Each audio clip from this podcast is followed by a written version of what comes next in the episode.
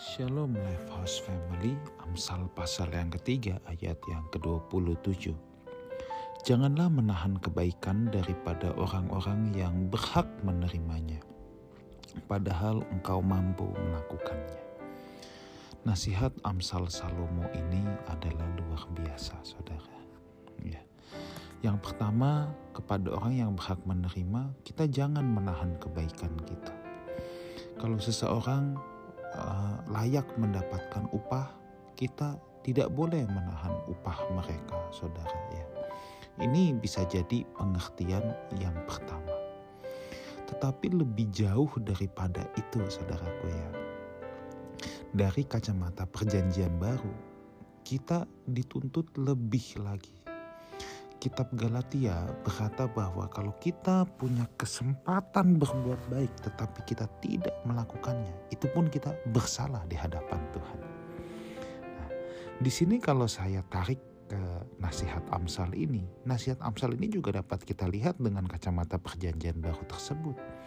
Bahwa ketika kita mampu berbuat baik kepada orang lain, kita tidak boleh menahan kebaikan itu. Hidup kita memang tentang berbuat baik, bukan kepada sesama kita. Kita mau menaburkan benih kebaikan, saudara. Kenapa? Sebab ketika kita menaburkan benih kebaikan tanpa kita tahan-tahan, selagi kita mampu, saudara, ya, dalam hal apa pun, yuk berbuat baik. Ketika kita berbuat baik, jelas yang pertama Alkitab berkata, perbuatan baikmu memuliakan Bapa di sorga.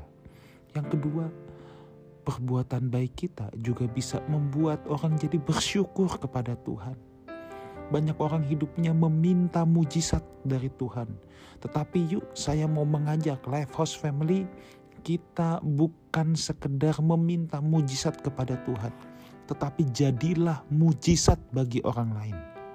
Itu lebih hebat, itu lebih elegan, itu lebih lebih luar biasa kalau kita jadi mujizat bagi orang lain. Caranya gimana?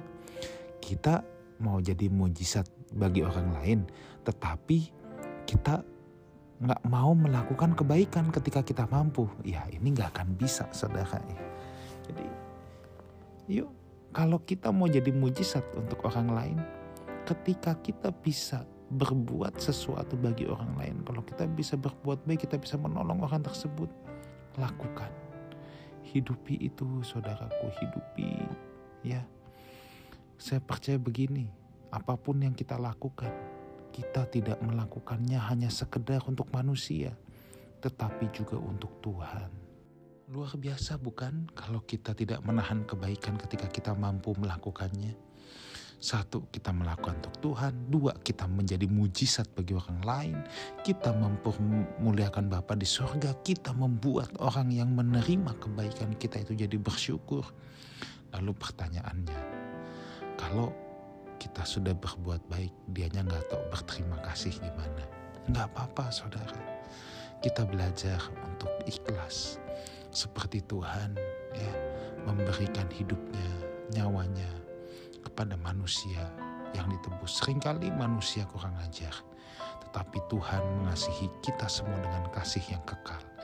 Kita belajar kasih yang agape itu. Fokus kita bukan pada timbal balik orang terhadap kita, tetapi apakah kita terus melakukan kebaikan selagi kita mampu. Jangan pernah menyerah, jadilah mujizat bagi sesama kita. Amin.